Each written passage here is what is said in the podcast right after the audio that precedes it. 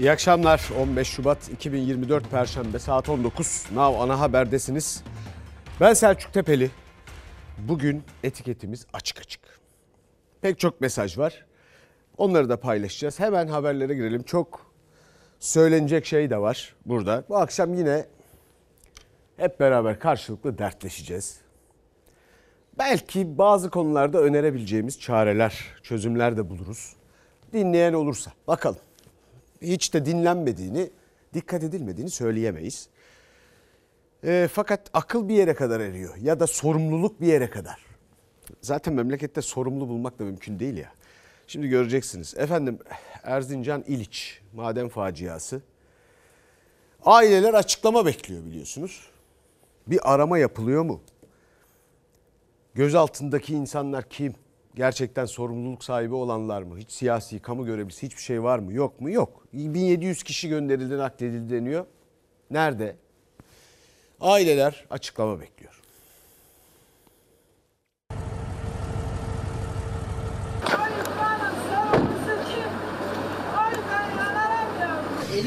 Eliyle o toprağı sildi, o toprak şu an kaldırılmıştı. Vallahi kaldırılmıştı billahi. Verilen rakamlara bakıldığı zaman o toprak eliyle alındığı zaman kaldırılmış. Biz dokuz canın peşindeyiz. Oradaki dokuz can bizim. Bu dokuz can bizim. Daha halen arama. Kurtarma çalışmaları namına hiçbir şey yok. Erzincan İliç'teki altın madeninde meydana gelen facianın üzerinden 50 saatten fazla geçti. Arama kurtarma çalışmalarında kayıp 9 işçiye ait tek bir ize bile rastlanmadı hala. Maden ocağının kapısında sevdiklerinden bir haber bekleyenler için her geçen saat endişe katlanıyor. Tepki büyüyor. Bir kriz masasına oluşturulmadı. Ailelere dahi haber verilmedi. Aileler televizyonlarda öğreniyor. Biz muhatap alacağım kimseyi muhatap alamadık. Sayın söylemiş. Vali televizyonda açıklama yaptı. Ben oturup televizyon mu izleyeceğim ya? Binlerce kişi bölgedeki arama kurtarma faaliyetlerine destek veriyor. 339'u arama kurtarma personeli olmak üzere toplam 827 personel görev yapıyor. Burası halen çalışan bir yapı yani heyelan e, tehlikesi halen devam ediyor. 10 milyon metreküplük bir toprak kütlesi. Elimizde bir imkan olsa ve bugün kaldırmaya kalksak en az 400 bin kamyona ihtiyacımız var. Facianın artık 3. günü 9 işçiden hala bir haber alınamadı. Arama çalışmaları devam ediliyor diyor ama ailelerdeki bekleyiş de artık yerini yavaş yavaş acıya bırakmaya başladı. Ankara'dan dorun gelecek diyor. Sanki Ankara say- şeyin Lan dünyanın üstü. Bu cihaz nereden geliyor? Yeni mi Üretim öteki ucundan mı gelecek sanki? Umudumuzu kaybetmeyiz. Hiçbir zaman umudumuzu kaybetmeyiz ama zamanla yaşıyoruz. 400 tane arkadaşımız gece gündüz şu an oradalar. Bütün AFAD ekibi. Ya oradalarda ne yapılıyor mesela? Biz onu öğrenmek istiyoruz. Oradalar bin kişi orada ama ne yapılıyor? Türkmenmek istiyoruz ya. metre kazdık. 500 metre ileri gittik. Orada demir batırma yok. Derinlikte bir şey bulamadık. Erzincan valisi bilgilendirme toplantısı yapacağını söyledi ama aileler işletmeye geldiğinde valiyi karşılarında bulamadı. Endişe yerini öfkeye bıraktı. Ailelerin verilmişse vali beyimiz buradalar. Yapmış olduğu bir şey var. Lütfetsinler. Çayını kahvesini bıraksın. Saat 9'da biz buradaysak o da burada olsun. Aileler bir taraftan acıdı bir taraftan da yetkililere tepkililer kendilerine birkaç gündür bilgi verilmediğini söylüyorlar. Saat 9'da da valiyle toplantı olacaktı ama vali toplantıya gelmeyince sinirler daha da gerildi. Dün buraya gelmişim. Adam bana şov yapma diyor ya. Benim canım gitmiş. Şovu sen yapıyorsun sen. Vali ailelerle görüştü. AFAD arama kurtarma çalışmalarını paylaştı. Ama henüz sonuç alınamadı. Facianın ardından gözaltı sayısı ise 9'a yükseldi. İşletmeci şirketin e, yönetim düzeyinde özellikle bir zafiyeti içerisinde olduğunu görüyoruz. Çünkü hala e, söz konusu yabancı şirketin temsilcileri burada değiller. Bu tabi beraberinde bakmamız gereken bir e, konudur. Efendim bakanların açıklamalarını dinlediniz. Bir şey anladınız mı? Yetkililerin, vali falan. Herkes birbirinden farklı şeyler söylüyor. 400 bin Enerji Bakanı'nın söylediği 400 bin kamyon gerekiyormuş. Öyle dedi değil mi? Yanlış duymadık. 400 bin. 35 milyon ton bu akan. O da toprak değil, siyanürlü, sülfürik asitli filan. Kardeşim 200 milyon tona çıkarttınız kapasiteyi. Kimler imzaladı göreceksiniz. Peki 400 bin kamyon lazım. Peki altından kalkamayacaksınız. E niye izin verdiniz ya? kendi ülkesinde o izni alamayan şirketlere niye izin verdiğinize soktunuz buraya. Üstelik de yani belgelere göre evraklara baksan yüzde sekiz memlekete kalan. Onu da kaç kişi paylaşıyor o da belli değil. Bir takım iddialar mecliste milletvekilleri dile getiriyor. Yüzde iki filan bırakıyorlar diye. Bütün bahsi geçen şey senede 2 milyar dolar kadar bir şey. E bunun yüzde birini ikisini hadi sekizini hesap edin. Kaç kişinin bölüştüğünü düşünün. Kimin operasyonel olduğu da belli değil. Yabancı mı operasyonel, yerli ortağı mı, Anagolt mu, çalık mı? Belli değil. Hepsi ayrı ayrı açıklama yapıyor. Bakanlar ayrı. Sorumlu var mı? Sorumlu da yok. Şimdi göreceksiniz. Biz ondan sorumlu değiliz. Biz bundan sorumlu değiliz.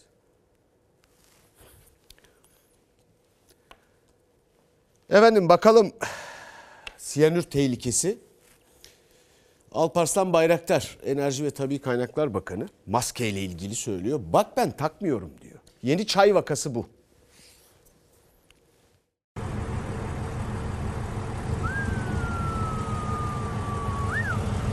Hiçbir endişe edilecek süreç söz konusu değildir. Dolayısıyla sen e, maskeni takmayı isteyebilirsin ama biz hepimiz buradayız, daha da yakınız. E, dolayısıyla böyle bir risk şu anda söz konusu değildir. Enerji Bakanı Alparslan Bayraktar, facianın yaşandığı alana daha yakın olduğunu, buna rağmen maske takmadığını söyledi. Risk yok dedi. Ancak uzmanlara göre sadece siyanür değil, diğer ağır metallerin de suya ve havaya karışma riski var. Solunum uyarısında bulunuyorlar. soluk koruyucu olmadan, gaz filtreli maske olmadan o bölgedeki çalışmaların e, içinde bulunan kişilerin soluk alıp vermemesi gerekmektedir. Özellikle e, hem sudan e, aldığımız e, numuneler hem e, topraktan aldığımız numunelerle alakalı şu anda hiçbir endişe edilecek e, e, süreç söz konusu değildir. Çok şükür sevindirici bir haber. Şu ana kadar herhangi bir kirliliğe, korktuğumuz bir olaya rastlanmadı. Sen e, maskeni takmayı isteyebilirsin ama biz hepimiz buradayız, daha da yakınız. E, dolayısıyla böyle bir risk şu anda söz konusu değildir. Maske kullanmaya ihtiyaç yok diyebilmek için bizimle ölçüm sonuçlarını paylaşmalılar. Siyanürlü toprağın Fırat Nehri'ne ulaşıp ulaşmayacağı tartışılırken uzmanlara göre altın ayrıştırmada sadece siyanür kullanılmıyor. 30'un üzerinde zehirli madde kullanılıyor ve havayla da bulaşabiliyor. Eğer havada riskli bir durum varsa uzmanlara göre benim kullanmış olduğum maske bile yetersiz kalabiliyor. 2000 yılında Çekoslovakya siyanürle altın aramayı yasakladı. 2002 yılında Almanya, 2009 yılında Macaristan yasakladı. 2010 yılında Avrupa Birliği Komisyonu Avrupa topraklarında siyanürle altın madenciliğinin yasaklanmasına ilişkin bir teklifi oy birliğiyle kabul etti. Siyanür tartışması sürerken yıllardır siyanüre karşı mücadele veren İliç savunucusu Sedat Cezayirlioğlu da gözaltına alındı. Cezayirlioğlu'na 2020 yılında Nav Haber'e verdiği röportaj içinde dava açmıştı maden şirketi. 1.72 milyon ton siyanür ve sülfürik asit kullanacaklar 19 yıl boyunca. Dağın kendisi dahi zehir olacak. O dönem şirket kendine her türlü önlemi alıyoruz diye savundu mahkemede. Cezayirlioğlu için de ifade özgürlüğü kararı verildi. Altın madeni faciasından sonra da benzer karar geldi. Sedat Cezayirlioğlu serbest bırakıldı. Efendim kamu gelirleri yani devletin gelirleri bütün kalemler dahil AK Parti iktidarı döneminde neredeyse 3 katına çıkmış. Yani birçok vergi çıkarttıkları için. Fakat sel olur, altyapı yok. Deprem olur, üst yapı yok. Yangın olur, uçağın yok. Maden patlar, yaşam odası yok. Dolar, euro, mazot, benzin almış başını gitmiş, çaren yok, fikrin yok. Enflasyon almış başını gitmiş, ne yapacağını bilmiyorsun. 10 milyon kadar kaçak mülteci veya kaçak insan kaçakçılığından gelen ya da işte sığınmacı falan var. Herhangi bir planın yok. Ama iş algıya, imaja geldiği zaman tamam yani. Hemen neymiş efendim bak ben takıyor muyum? Belli takmadınız. Bu memlekette ne olup bit- bitiyor? Takmıyorsunuz ki hiç umurunuzda değil. Bir de böyle söylüyorlar. O maskeyle ilgili söylüyor da lafta tam yerine oturuyor. Takmıyorlar ya hiç takmıyorlar yani. Yani Bu memlekette bakın bu olan bitene bir yeni bir örnektir. 9 işçi hala o kayan milyon 10 milyonlarca ton toprağın altında. Fakat bu zehirli yığının altında kalan bir ton altın çıkarmak için 11 ton siyanür 122 ton sülfürik asit- kullanıyorlar.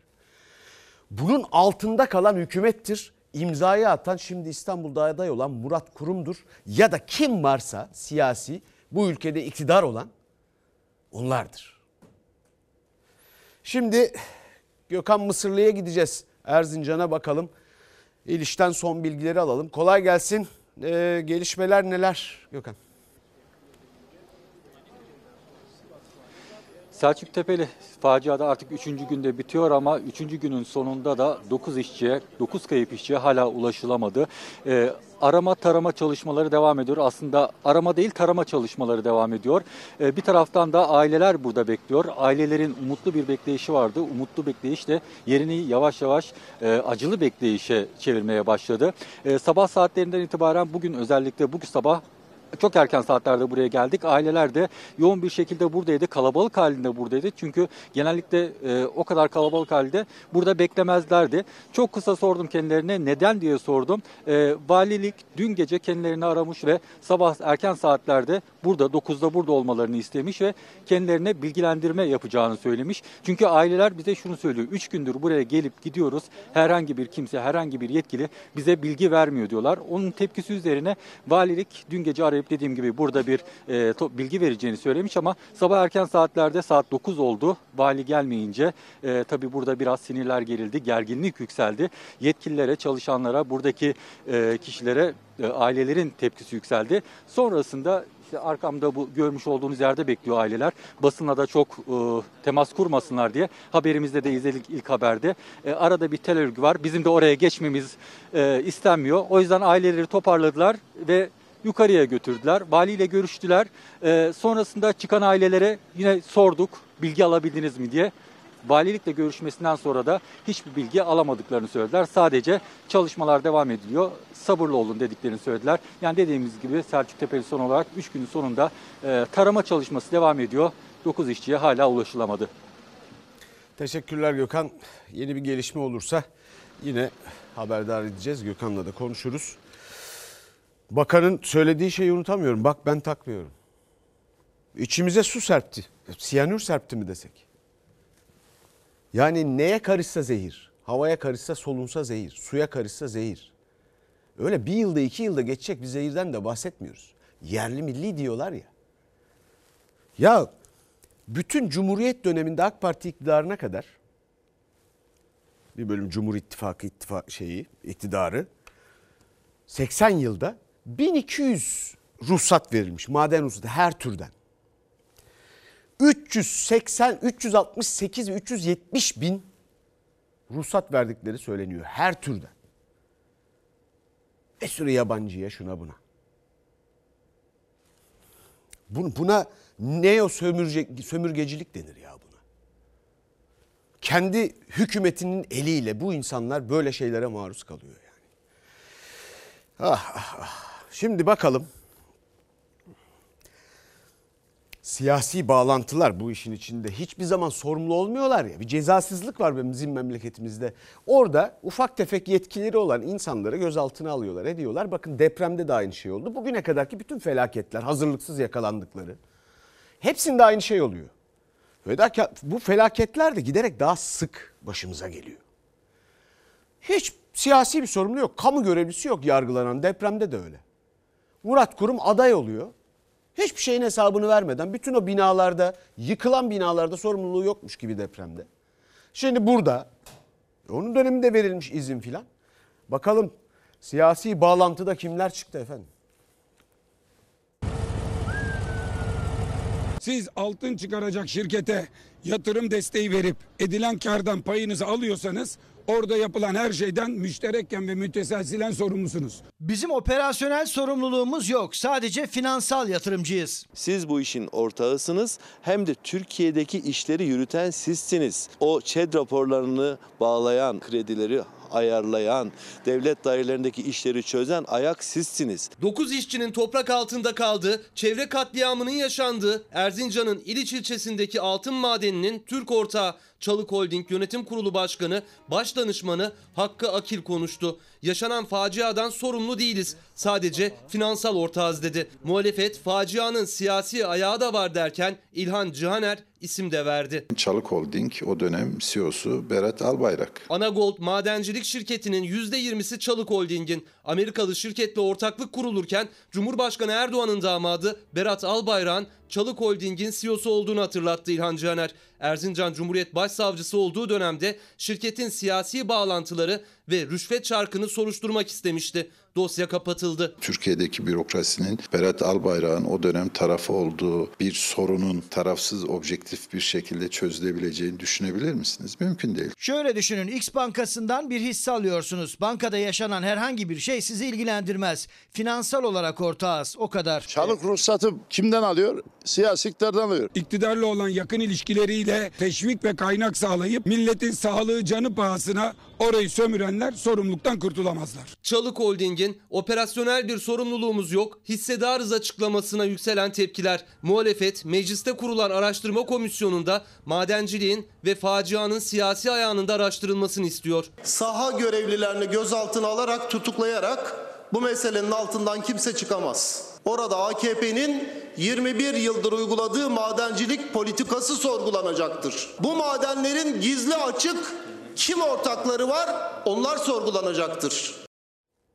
368 bin ruhsattan bahsediyoruz ya. Hangi birini sorgulayacağız? Nasıl olacak? Yani 1200 maden ruhsatı 80 yılda Cumhuriyet tarihinde AK Parti döneminde 370 bin aşağı yukarı. Yani bunu mesela bu doğru bir rakamsa bunun her birinin ayrı ayrı sorgulanması lazım.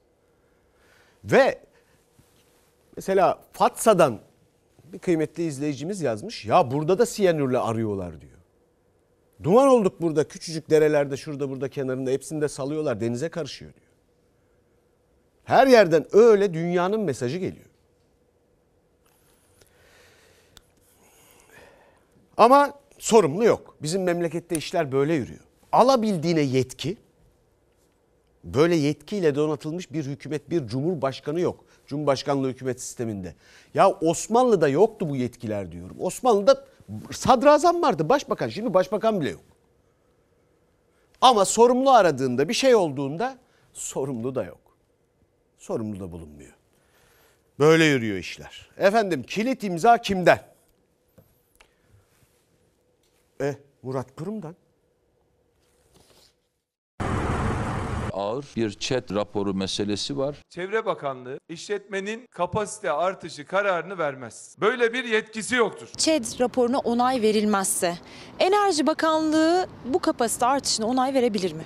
Veremez. Erzincan İliç'teki altın madeninin kapasite artırımına ilişkin ÇED raporunun altında dönemin Çevre Bakanı olarak imzası bulunan Murat Kurum kapasite artırımı yapmadım dedi ama ÇED raporu olmadan kapasite artırımı yapılamıyor zaten. Cumhurbaşkanlığı İletişim Başkanlığı'na bağlı dezenformasyon birimi de kurumu haklı çıkarmaya çalışırken itiraf etti. Kapasite artışlarına ÇED sürecinde onay verilmesi mevzuat kapsamında zorunludur. Ancak tek başına yeterli değildir. ÇED kararı sonrası işletmenin bu kapasite artışını hayata geçirebilmesi için ilgili mercilerden gerekli izinleri alması gerekmektedir. Enerji Tabi Kaynaklar Bakanlığı ÇED raporu alınmadan izin vermez. Kapasite artırımı başvurusu için Enerji Bakanlığı'nın kapısını çalan altın arama şirketine bakanlık yetkililerinin ilk söyleyeceği şey gidin ve Çevre Bakanlığı'ndan gerekli izinleri alın olacak. Enerji Bakanlığı bu işletmenin e, çevreye, doğaya, orada yaşayan insanlar üzerinde bir etkisinin olup olmamasının araştırılmasını istiyor. Çevresel etki değerlendirme açısından sorumluluk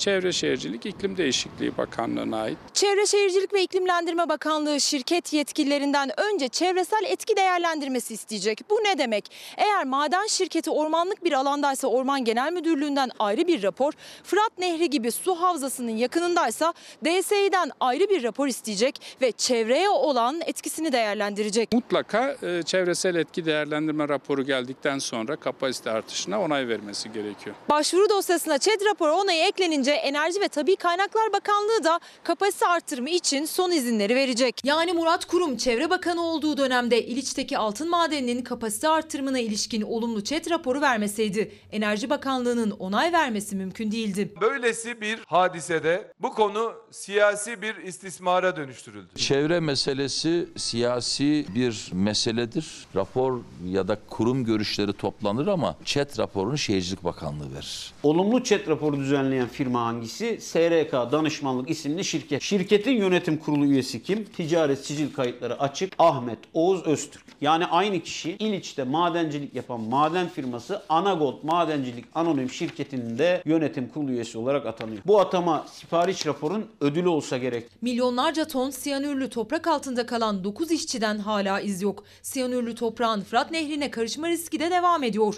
Murat Kurum'un ÇED olumlu imzası, ÇED raporunu yazan isimlerden birinin Anagold şirketine yönetim kurulu üyesi olarak atanması tartışma sürüyor. Efendim siyasi istismara dönüştürülmüş. Murat Bey'in söylediği o. Aa, pardon bana Murat abi deyin demişti. Murat abinin söylediği o. Siyasi istim hep böyle oluyor. Siyasi istismara dönüşüyor falan filan. Kendisi Çevre Şehircilik Bakanı'ydı. Ondan önce de emlak konut falan filan bütün konut işlerinde var. Kendisi söyledi bu depremde 53 bin canımız gitti. O başka rakamlar da verdi. Neyse kafa karıştırdı ama işte neyse yani. 150 milyar dolar zarar var. Orada yeni yapılan binalarda da imar affından faydalananlarda da binlerce insanın öldüğünü kendi söyledi. Hiçbir sorumluluk yok gene. Ama siyasi istismar var. Ya anlamadığım şu. Bakın büyük bir facia yaşanıyor. İnsanlık dramı nasıl söyleyeyim? Soykırım yaşanıyor Gazze'de. İsrail yapıyor bunu. Ve ölen insan can kaybı sayısı 30 binlerde. 53 bin canımız gitti resmi açıklamalara göre depremde. Ya Netanyahu bu hükümet de Cumhurbaşkanı da söyledi yargılanmalı dedi. Doğru. Netanyahu soykırımla yargılanmalı. Doğru. Dünya böyle insanlardan kurtulmalı. Uluslararası Adalet Divanı'nda yargılanıyor şu anda. Çok enteresan ya. Bizde hiç kimse hiçbir şeyle ilgili hiçbir sorumluluk almıyor yani. Bir açıklama bile yapmıyor. Siyasi istismarmış. Evet efendim. Aa, şimdi bakalım. Oo, şimdi vaatler var tabii. Şu arkada gördüğünüz fotoğraf var ya. Bakın. Bir de diyor ki 24 yıldır İstanbul'a hizmet ediyoruz. Daha 94'ten beri daha da uzun. İstanbul'a getirdikleri hal budur. Şu arkadaki resim. Şimdi de bir takım başka şeyler vaat ediyor. Şimdi göreceksiniz. Dikkatle dinleyin lütfen. Ama hep vaat. İstanbul'un hizmetkarı. AK Parti'mizin en iddialı olduğu alanların başında kentsel dönüşüm ve konut edindirme gelir. Ödemelerini konut tesliminde başlatmak suretiyle ilk yıl faizsiz sabit taksitle 5833 liradan başlayan taksitlerle ödenecek. AK Parti'nin İstanbul Büyükşehir Belediye Başkan adayı Murat Kurum bir kez daha İstanbullulara sabit taksit vaadi verdi. Tıpkı Çevre ve Şehircilik Bakanı olduğu dönemde 14 Mayıs seçimlerinden önce söz verdiği gibi. Hala teslim edilemeyen TOKİ Tuzla konutlarında da ödemeler sabit taksitle olacak denmişti. Taksitlerin tutarı 20 katına çıkarıldı. Şartları da ilk günkü şartlarla TOKİ internet sitesinde duyurduk. Her sözümüzü tuttuğumuz gibi tutmaya devam edeceğiz. Murat Başkanım bir dakikanızı ayırır mısınız Tuzla To- TOKİ için? Başkanım TOKİ mağdurlarıyız başkanım. Murat Başkanım TOKİ mağdurluğu için bir dakika dinler misin? 5 yıldır bekliyoruz. Sadece konuşacağız ya. Murat Kurum'la Hala görüşemiyoruz bile. görüşemiyoruz. Böyle bir şey yok. Murat Kurum risksiz İstanbul tanıtım toplantısında sıraladı vaatlerini. 600 bin acil dönüştürülmesi gereken 1,5 milyon riskli yapının bulunduğu İstanbul'da depreme karşı nasıl hazırlanılacağını anlattı. İlk 5 yılda depreme dayanıklı 650 bin konut yapılacak dedi kurum. Binlerce kişinin hayatını kaybettiği geçmiş depremlerle bakanlığı döneminde gerçekleşen, sonrasında ise imar afları ve denetlenmeyen depreme dayanıksız binaların tartışıldığı 6 Şubat depremlerini örnek gösterdi. 17 Ağustos'ta Büyük Marmara depreminde 99'da Düzce'de 2011'de Van'da tekrar sarsıldık. İşte asrın felaketi. Dünya tarihinde böyle bir yıkım görülmemiştir. Olası bir İstanbul depremi bir milli güvenlik sorunu olacaktır. Murat Kurum depreme hazırlık ve kentsel dönüşüm üzerinden rakibi Ekrem İmamoğlu'na yüklendi. Deprem konusunda tek bildikleri şey çalıştay ve toplantı yapmak olan mevcut İBB yönetimi deprem seferberliği ilan ediyoruz dediler. Ortada eserleri yok. İstanbul'u 5 yılda depreme hazırlarız dediler. Tek bir hazırlıkları yok. Eski Çevre ve Şehircilik Bakanı Yeni İstanbul Büyükşehir Belediye Başkan adayı kurum, mevcut İstanbul Büyükşehir Belediyesi yönetimini deprem bölgesine konut yapmamakla suçladı. Ya sen Büyükşehir Belediyesi'sin. Bütçen birçok bakanlıktan büyük. Bütçenin bir kısmıyla gitsen deprem bölgesinde 500 konut yapsan, 1000 konut yapsan ne olurdu ya? Bu, bu soruyu lütfen siz cevaplayın. Bunu ben bana bırakmayın bunu. Vaat et, vaat et, ipe diz ya. Efendim bu memlekette bakın fırsat eşitliği diyorum ya. Bu o kadar önemli ki. Bu ülkenin vatandaşlığı, cumhuriyet, kurucusu Gazi Mustafa Kemal Atatürk. Bana soruluyor kime oy vereceğiz filan diye. E ben bunu söyleyemem. Ama kime vermeyeceğinizi söyleyebilirim. Fırsat eşitliğini ortadan kaldıran, bunlara, bu ülkenin, bu cumhuriyete, milletimize, bütün hikayesine, kurucusu Gazi Mustafa Kemal Atatürk'e saygı göstermeyen, hiçbirimize göstermez, hiç kimseye göstermez. Düne kadar yarımızı seviyor gibi görünüyorlardı artık hiçbirimizi sevmiyorlar belli. Onlara vermeyin. Çünkü fırsat eşitliği o kadar önemli ki bizim memleketimizin insanı düzgün ve yeteneklidir kardeşim. Ama biz de memleketimizin Picasso'larına çit boyatıyorlar, duvar boyatıyorlar. Sonra bu işlere liyakatsiz insanları getirip yani kendileri de Picasso diye her tarafta sergiler açıyorlar. Resimlere bakıyorsun işte tablo ortada. Tablo ortada görüyorsunuz. Patron sizsiniz. Evet efendim. Erdoğan'a Sisi cevabı. İşte pazar günü Sisi mi diyeceğiz? Binali Yıldırım mı diyeceğiz? Mesele bu kadar önemli. Kendisi Sisi'den yana tercihte bulundu onu görüyoruz. Bu tür tavır ve davranışları sergileyecek insanlara U dönüşü şansını bile vermeyeceğiz. Geri vitesiyle inşallah ait oldukları yere göndereceğiz. Erdoğan'ın Sisi ziyaretine en sert tepki İmamoğlu'ndan geldi. Çünkü 5 yıl önce meydanlarda Cumhurbaşkanı AK Parti'nin adayı için oy isterken İmamoğlu'na darbeci Sisi benzetmesi yapmıştı. U dönüşü yapanları geri vitesleriyle geri göndereceğiz dedi İmamoğlu. Eski Çevre ve Şehircilik Bakanı olan rakibi Murat Kurum'un deprem bölgesine de konut yapsaydı elinden tutan mı vardı çıkışını da yanıtsız bırakmadı. Şayet gidebilirse tabii bilmiyorum. Gidebilirse Hatay'a gitsin. Vatandaşlarından cevap alır. Yaklaşık bin kişinin yaşadığı geçici barınma merkezini açtık. Bir liseyi de önümüzdeki eğitim dönemine bitirip teslim edeceğiz. Kendi sorumluluklarını savurmak isteyenler ancak böyle taşlar atabilir. İmamoğlu ile uğraşacağına Maltepe'de, Tuzla'da, Güngören'de bitiremediği konutları bitirip bir an önce teslim etsinler. Kurban kurban kurban kurban. Çek kız çek. Tamam Çek. Ay ağlama güzel annem güzel. Ekrem İmamoğlu AK Partili ilçe Beykoz'da projelerini duyurmaya devam etti. Manzaranın en güzelini e, biz çocuklara vermiş olacağız burada. Halka açık çok değerli bir yer olacak. Boğaza nazır, değerli bir alanı, kullanılmayan Beykoz silolarını çocuk oyun merkezi, kütüphane ve müzeye çevirdiklerini ve Mart başında halka açacaklarını duyurdu. Siloların yıllardır atıl bekletilmesine de dikkat çekti. Bence irdelenmesi gerekir. Başka bir B planı mı, C planı mı, D planı mı var akıllarda? İstanbul'un sahillerine bakın. Koca koca yapıları, binaları, kamu arazilerine nasıl dizildiğini görürsünüz. İstanbul Boğazı'nın tam böyle dibinde kafeterya imar çıkaran bu koca silolara Allah bilir ne çıkarır. Sen dünya durdukça ömrün uzun olsun. İmamoğlu Beykoz'da semt pazarına da girdi. Kadınların büyük ilgisi ve duasıyla karşılandı. Pazarı sen mi bağlandırdın? Yok. sen değilsin. İftira. İftira atıyorlar. Yalan konuşuyorlar. Şimdi duydum. Şimdi duydum. ben seni gördüm ya. Çamur atmak o kadar kolay ki başkanım. İftira iddiaları, topal ördek tartışmaları Beykoz'da da Beyoğlu'nda da sokaklarda seçmenin gündemiydi. Bunlar neye dönüşecek? Bunlar topal ördek. Topal ördek olacak dediler. E, seçildiniz bu kez bir iş yapmıyor dediler. Fakat yaptınız. Evlilik yardımı aldım. Ben eşime yüzü Büyükşehir'den aldığım parayla aldım. Kütüphaneler için çok teşekkür ederim. Vize finalleri yine hep orada çalışıyoruz. İlk resim ilk oy başkanım. Gençlerden ilk oy mesajı da geldi. Üniversiteliler 7500 liralık eğitim desteklerinin ikinci ödemesini de aldı. İmamoğlu AK Parti Beyoğlu seçim bürosuna da uğradı, başarılar diledi. Herkes becerisiyle kendini anlattığı bir seçim olsun. Seçim düellosu. Yetişemediler bana.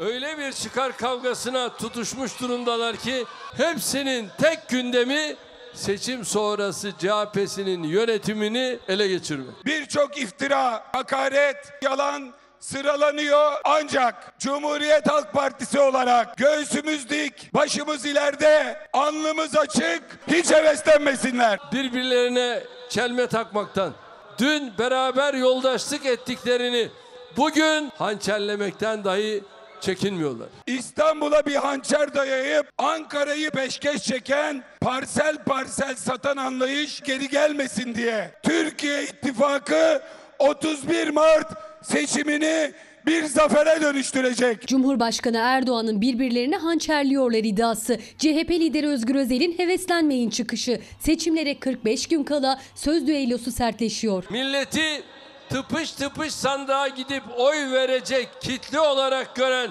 CHP zihniyeti bu seçimlerde de aynı kafayla yoluna devam ediyor. Benim milletim sandıkta dirsek gösterir. 2019'da 11 büyük şehri kazanan o seçmen değişmedi duruyor. O seçmenin itirazı Tayyip Erdoğan'aydı. Değişmedi duruyor. Muhafazakar milliyetçi Kürt demokratlar geleceğimize hep beraber sahip çıkacaklar. Özgür Özel İzmir'de aday tanıtım toplantısındaydı. CHP İzmir Büyükşehir Belediye Başkanı adayı Cemil Tugay kürsüye çıkarken kaza atlattı. Cumhurbaşkanı Erdoğan Samsun'daydı. Kendi heybeleri boş olanlar bizim başarılarımızı değersiz hale getirme gayretindeler. Size söz veriyoruz. Hiçbir belediyemiz kaybedilme noktasında değil. Cumhuriyet Halk Partisi şimdiden 24'ü 25'i gördü. Kenetlenirseniz, çalışırsanız İzmir'de 30'da 30 yapacağız. Yeni bir ölçüm daha gerçekleştireceğiz. Savaşın daha ilerisinde bir aday görürsek, bir alternatif bulunursa savaşın adaylığı çekilebilir. Yeniden Hatay Büyükşehir adaylığı tartışılan Lütfi Savaş'la ilgili de son açıklaması Özgür Özel'in. Aday tartışmaları sürerken CHP'de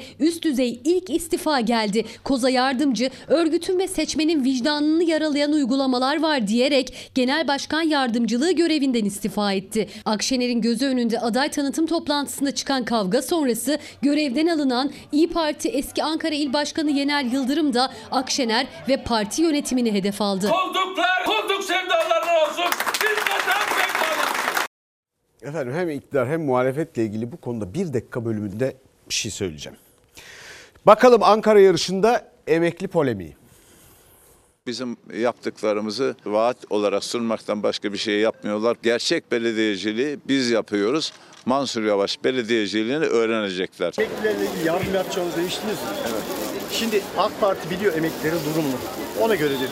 Niye şimdiden yapmıyor merak ediyorum. Yani seçim mi olması gerekiyor? Tamam. Diyoruz ki bu yeterli değil 5 bin lira vereceğiz. Peki seçim mi olması gerekiyor emeklilerin mutlu olması için? Keçiören'de 5 bin emekliye destek oluyoruz. O da hiç olmazsa görevi süresinde 5 tanesine bari destek olsun da belki vaadini tutar. Cumhur İttifakı adayı Turgut Altınok'un 5 bin lira yardım vaadine karşı emeklilerle yaşadığı diyalog, provokasyon suçlaması Ankara Büyükşehir Belediye Başkanı Mansur Yavaş'ın gündemindeydi. Keşke devlet vereyim, belediye değil de. Büyükşehir kimden alıyor abi? Hükümetten geliyor. Nereden? Babasının cebinden gelmiyor. Başka türlü olsa emekliler bu ülkede maaş alamazdı. Bak sana söyleyeyim. Başka bir iktidar olsa. Maaş var ya. Aa başkana. Provokasyonu bırakalım şimdi. Emekli ekstra bir şey istemiyor. Devlete ödediği primin karşılığını istiyor. O nedenle emekliler gayet haklıdır. İnsanca yaşayamıyorlar. Mansur Yavaş 10 bin lira maaşla sosyal yardıma muhtaç emeklilere 6. kez biner liralık destek ödemesi yaptı. Turgut Altınok'un vaadi emekliye 5 bin lira. Emeklilerle yardım yapacağınızı değiştiniz mi? Evet. Şimdi AK Parti biliyor emeklilerin durumunu. Ona göre dedi. Niye şimdiden yapmıyor merak ediyorum. Yani seçim mi olması gerekiyor? Emeklilere verilen asla bir lütuf değil. Turgut Bey'in görmediği şu. Emeklilerin eskiden emekli ikramiyesiyle bir ev alırken, belki bir araba alırken şimdi tekerini alamaz duruma düştüler maalesef. Emeklilerin paraları yıllarca çarşur edildi. Ankara yarışında gündem emekliler. Efendim emeklilere 5 bakın sadaka ekonomisine bakın 5 bin lira filan teklif ediyorlar. E, bütün emekleriyle bu ülkeyi bugüne kadar getirmişler. Ya don lastiği olsak emekli değil don lastiği olsak %95 zam almıştık. Bir de hala konuşuyorlar delireceğim ya. Evet Ankara yarışında emekli yarışını e, polemiğini gördük. AK Partili adaylar çok açık konuştu. Bu sefer de ben geç kaldım. Siyaset herkese hizmet edecek. Ama kendine destek verenlere, iktidar yapanlara daha fazla hizmet edecek. Bu bizim şiarımız. Herkesin bildiği bir günahın ifşası bu. Vatandaş arasında kuracağı ayrımcılığı açıkça bir seçim propagandasına çevirmek. O yoksa hizmet yok tartışmasını bir adım ileri götüren cümleler. Konya'nın Akşehir ilçesinin AK Partili belediye başkanı da Yusuf Kahraman bize oy veren daha çok hizmet alacak dedi. Onların tiniyetinde, zihniyetinde, fıtratında bu ayrımcılık olduğu için Merkezi yönetimle yerel yönetim el ele vermezse o şehre herhangi bir şey gelmez. Hatay'a geldi mi? Hatay garip kaldı. Hatay masum kaldı. Vicdan sahibi kimsenin bırakın söylemi duymaya tahammül edemeyeceği laflar. Birilerinin cımbızla çektikleri ifadeler üzerinden fitne, fesat, bozgunculuk peşinde koşmalarını milletimizin takdirine havale ediyoruz. Cumhurbaşkanı Erdoğan merkezi yönetimle uyumlu olmadığı için Hatay'a hizmet gelmedi sözlerine gelen tepkiler için cımbızladılar demişti. AK Parti'nin Akşehir Belediye Başkanı da Yusuf Kahraman da o yoksa hizmet yok dedi. Allah kullarının hepsini yaratıyor. Ama cennetine Müslümanları koyuyor. Biz de diyoruz ki siyaset herkese hizmet edecek. Ama kendine destek verenlere, iktidar yapanlara daha fazla hizmet edecek. Bu bizim şiarımız. Bizle beraber yürüyen insanlardan burada ayırırız. Ayrıcalık gösteririz. İlahiyatçı olarak söylüyorum. Bu hadsizlik, dini kendi çerçevesinde kullanma hadsizliği yaygınlaştı. AK Parti siyaseti herhangi bir yerde bir rant varsa onu peşkeş çekmekle başlar. O kadar bunu gizli saklı yaparlar ki normal AK Parti'li olan vatandaşlar onu görmez. Karabük'ün MHP'li belediye başkanı Rafet Vergili, Cumhur İttifakı ortağı AK Parti'nin belediyeciliğini rant peşkeş çekmek olarak tarif etmişti. AK Parti Isparta Yalvaç ilçe başkanı da nemalanma ifadesini kullandı. Bu dönem Yalvacımızın AK Parti belediyeciliğine son veriyoruz. Bundan sonra AK Parti belediyeciliğiyle lemalanmalarına vesile olacağız. Bir dönüm. Tarlanın fiyatı kaç para? 5 milyon. 200 bin lira şu an. AK Parti Bandırma Belediye Başkan adayı Cemal Öztaylan seçim çalışmasında bir köylüye yaptı bu hareketi. AK Parti Cihanbeyli Belediye Başkanı Mehmet Kale de kendisine yönelik eleştirilere küfürle yanıt verdi. Başka birisi olsa kapıyı kilitler. Boş geç. Kalsın. Evet, ar- evet arkadaşlar AK Parti Yalvaç Belediye Başkan adayı mıydı? Şu ilçe başkan. AK Parti, ha yok AK Parti Bandırma Belediye Başkan adayı. Arkadaşlar bu videoyu şu e, meclisteki e, efendim Özlem Zengin'in yok vermeyelim vermeyelim. O şu yeşil sahada çimleri gıda boyasıyla boyamışlardı ya Süper Lig maçında. O yeşil. Ondan sonra onun gibi bizim videolarımız var biliyorsunuz. Bunu oraya alalım ayıralım. Sonra bakacağız. Allah'a havale ediyorum yani şimdilik. FETÖ'ye direnen komutana veda efendim.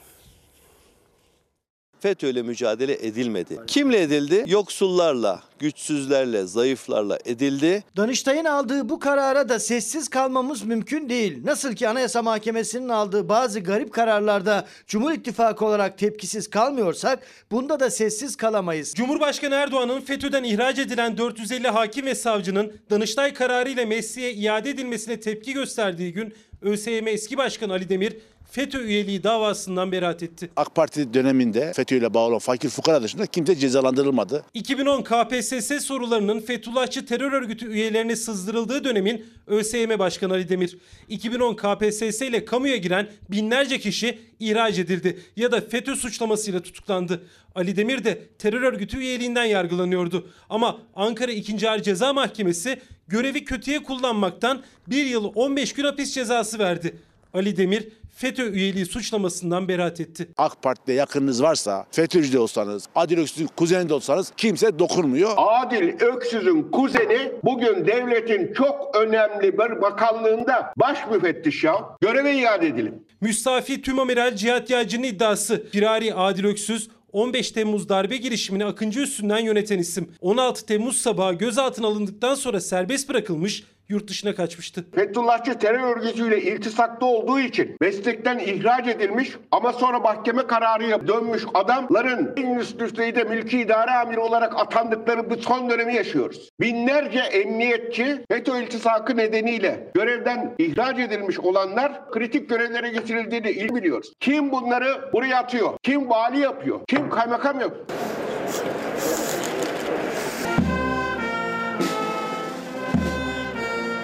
FETÖ'den ihraç edilen hakim, savcı, bürokratların görevlerine iadelerinin ÖSYM eski başkan Ali Demir'in FETÖ üyeliğinden beraat etmesinin tartışıldığı gün FETÖ'ye direnen eski 3. Ordu Komutanı Saldıray Berk son yolculuğuna uğurlandı. Saldıray Berk beyefendi nasıl bilirdiniz? Ülkemizin ilk milli ve özgün İHA sistemi olan Bayraktar mini İHA'larımıza kullanıma sunulduğu dönemde sahip çıkan, deneme sürecinde terör bölgesinde birlikte testler yaptığımız, ömrünü vatanımızın bekası için vakfeden Mert komutanımız Orgeneral Saldıray Berk'in vefatını derin bir teessürle öğrendim. Ergenekon kumpasında terör örgütü üyeliği suçlamasıyla yargılanan, o dönem darbeci olarak suçlanan 3. Ordu eski komutanı Orgeneral Saldıray Berk'in ardından Cumhurbaşkanı Erdoğan'ın damadı Selçuk Bayraktar ömrünü vatana vakfeden Mert komutan ifadesini kullandı. Saldıray Berk'in cenazesine eski silah arkadaşları Ergenekon ve Balyoz kumpaslarının mağdurlarıyla Genelkurmay Başkanı katıldı. Efendim bu konu daha çok konuşulacak. Neler oluyor anlayacağız. Burada da anlatacağız. Bu arada pek çok mesaj var. 3600 ek gösterge ne oldu? E, efendim esnaftan, çiftçiden, Bağkurlu'dan 7200'e inecekti ne oldu? İntibak emekliden, seyyanen zam memur emeklisine niye verilmiyor? Staj çıraklık başlangıcı, SGK başlangıcı olsun. A- askerlerimizin, polislerimizin askerlik borçlanması hakkı, promosyon hakkı özel sektörde, kıdem tavanı, çiftçinin sosyal güvenliği filan hepsinden bahsediyoruz. Evet efendim. TOKİ Başkanı gün görene bakın dedi biz de baktık.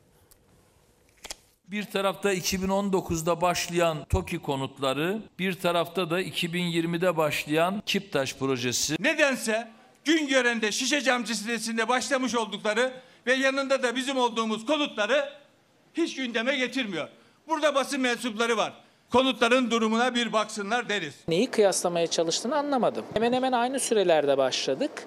Bizden belki bir ay sonra başlamış olabilirler ama biz aslında 8 ay önce başlamak istemiştik. İlçe belediyesi eğer bizi burada zaman kaybettirmeseydi. İşte TOKİ Başkanı'nın talep ettiği o kıyas. TOKİ ile AK Partili ilçe belediyenin ortaklaşa yaptığı projeyle İBB'ye bağlı Kiptaş'ın dönüşüm projesi Güngören'de yan yana. İki proje de henüz teslim edilmedi.